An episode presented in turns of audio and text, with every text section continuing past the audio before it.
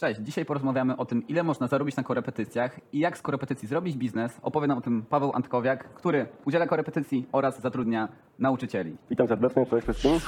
Jeżeli interesuje Cię świat biznesu i jesteś głodny merytorycznej wiedzy prosto od ekspertów, zasubskrybuj ten kanał po to, żeby być na bieżąco z wszystkimi naszymi materiałami.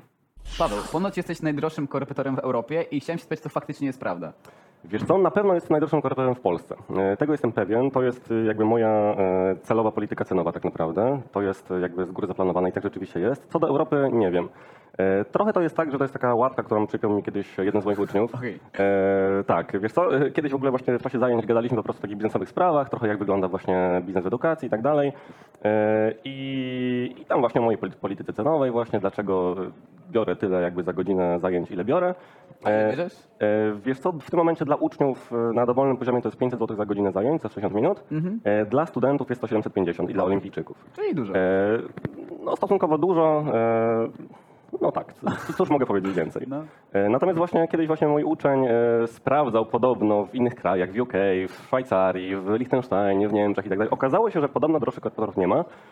Czy to prawda, nie wiem, to było jakiś czas temu. E, Średnio mnie to szczerze interesuje, bo wiesz, to nie do końca jest właśnie mój rynek. Ja też działam tylko na rynku polskim w tym momencie głównie. Ale kto wie, co będzie dalej, być może kiedyś. Okej, super. W takim razie opowiedz nam, czym konkretnie się zajmujesz i na czym polega twoja działalność. Jasne.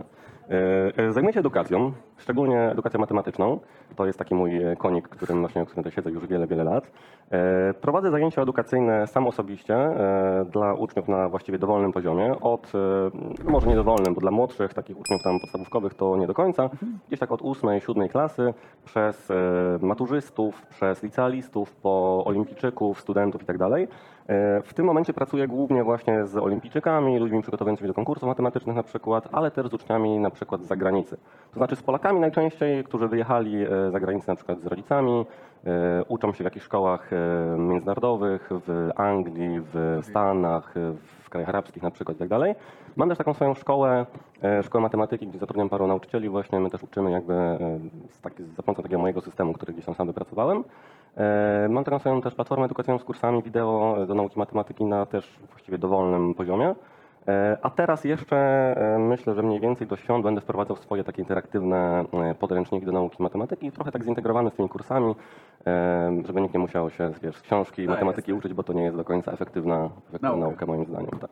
Okej, super. W takim razie powiedz mi, bo nawet tak sam gdzieś tam szukałem jakby korepetytorów, czyli z ciekawości szykując się do wywiadu, sprawdzam, jest bardzo dużo korepetorów z matematyki i powiedz mi, Mhm. jak ty zaczynałeś ze swoim biznesem i jak udało ci się dojść do tego poziomu, w którym jesteś, bo już sam jakby gdzieś tam jesteś bardzo wysoko, jakby, jakby zajmujesz się tym o jakby formie od, od kilku, tak naprawdę od kilku lat ładnych, zatrudniasz nauczycieli, szykujesz swoją platformę. Jak u ciebie zaczynały te krogi, czyli właśnie jak zaczynałeś ze swoim biznesem, jak, jak właśnie wyglądała ta twoja droga? Mhm. Wiesz co, y, w edukacji ogólnie siedzę tak y, na poważnie, myślę około 8 lat, a licząc jakieś takie moje korepetycje, które robiłem gdzieś tam wiesz, w szkole, dla znajomych, dla jakieś tam drobne pieniądze, to myślę, że z 12 już, więc trochę to jest czasu. Y, Jak do tego doszło, nie wiem, jak mawiał poeta.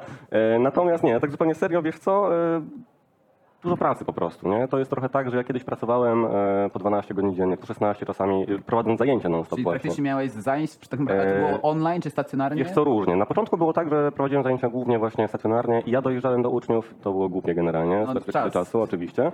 E, U mnie też w chacie właśnie, natomiast e, potem się przesiadłem głównie na zajęcia online i teraz pracuję tylko i wyłącznie online. E, Jak to się stało? E, Nauczyłem się w końcu i przetestowałem też po prostu, że e, zawsze się tak myśli, że jak podniesiesz sobie stawki, no nie, podniesiesz sobie cenę za jakąś swoją usługę, to nagle ilość klientów zmaleje. Okazuje się, że to wcale nie jest prawda, co jest może takie trochę paradoksalne. Eee, ja podnosząc stawki zauważyłem, że do pewnego momentu liczba klientów wzrasta tak naprawdę. E, oczywiście Miałem to wrażenie jakby, że jesteś lepszy, czy... być może, może jest jakiś taki efekt psychologiczny, być może, być może masz rację.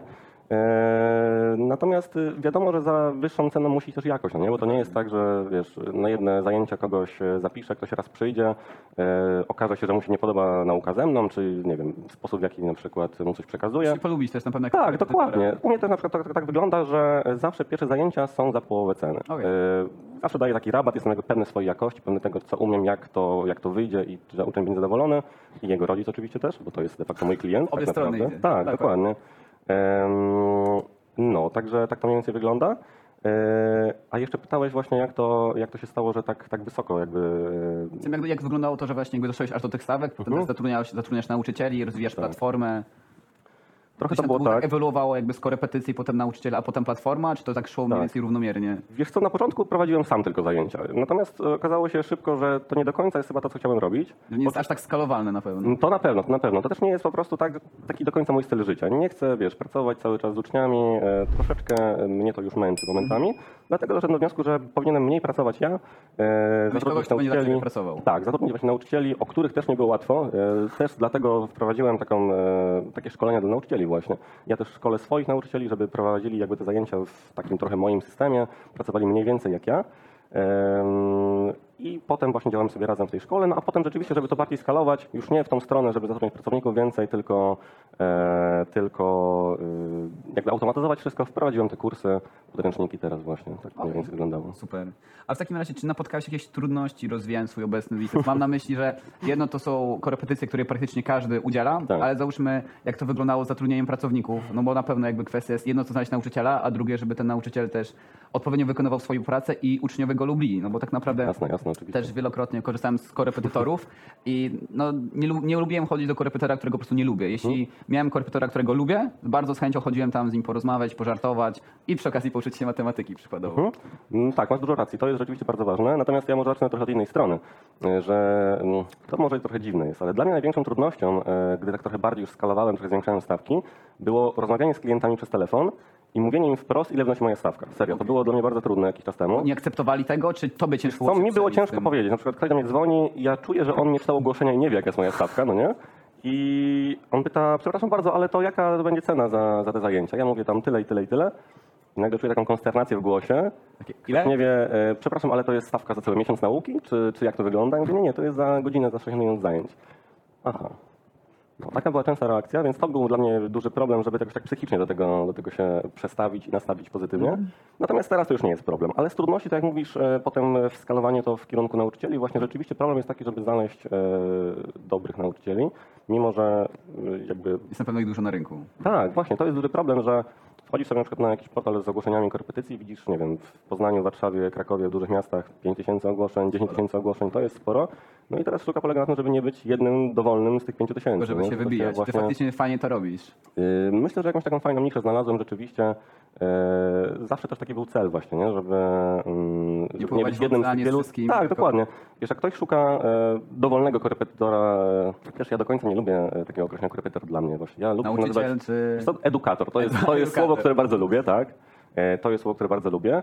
I też nigdy nie chciałem właśnie być takim, e, wiesz, jednym z wyborów tak naprawdę, że ktoś szuka sobie dobrego, nazwijmy to nauczyciela dla Ktoś swojego dziecka. wchodzi i wie, że- E, i bierze kogokolwiek, to takim nie chciałem być. Chciałem być zawsze tym, że jak ktoś ma poważny problem, przygotowuje się, nie wiem, do konkursu matematycznego, do olimpiady, musi to zrobić pilnie, szybko, skutecznie, albo na przykład chce się dostać na wymarzone studia za granicą, na jakąś super uczelnię w Stanach czy, czy w UK-u, e, no to bierze najlepszą możliwą opcję i tą opcją staram się być ja właśnie. Okej, Czyli po prostu oferujesz im to, czego faktycznie potrzebują.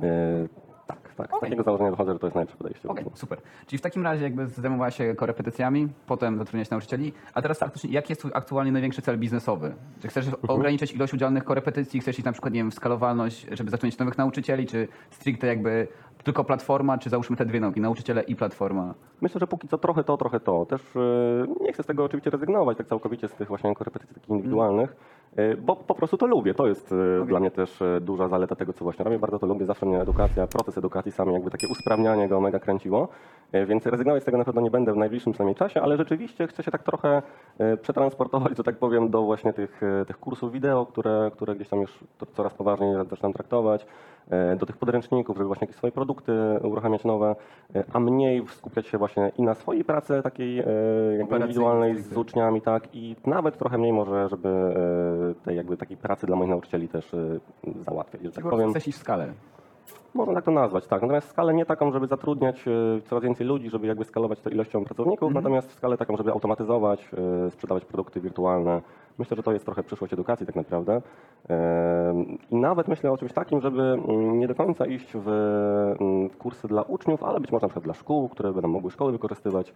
E, Szkolić już nauczycieli, żeby też, ale też jakby dla uczyli. uczniów, żeby na przykład w czasie zajęć edukacyjnych w szkole, Żeby na tej lekcji matematyki w mniejszym czy większym mieście można było sobie takiego kursu skorzystać, e, żeby jakby proces edukacji nie, nie jakby zależał tylko i wyłącznie od tego nauczyciela, który jest w tej szkole, ale żeby może mógł się też e, Sprawdzić to, co nie działa. tak, posiłkować jakimiś takimi fajnymi, mam nadzieję, materiałami. Okej, super. W takim razie no, tak jak wspomnieliśmy, jest bardzo dużo korepetytorów w każdym mieście, jest mnóstwo ogłoszeń i jaką radę dałbyś osobie, która udziela korepetycji, chce na przykład to rozwinąć, na przykład na podstawie należy twoich błędów czy sukcesów, jakie rady mógłbyś udzielić osobom, które obecnie udzielają korepetycji albo chciałyby udzielać korepetycji i faktycznie gdzieś tam zacząć z tego przykładowo żyć albo mieć taki dodatkowy dochód? To jest ciekawe pytanie, bo myślę, że mam dużo takich rad.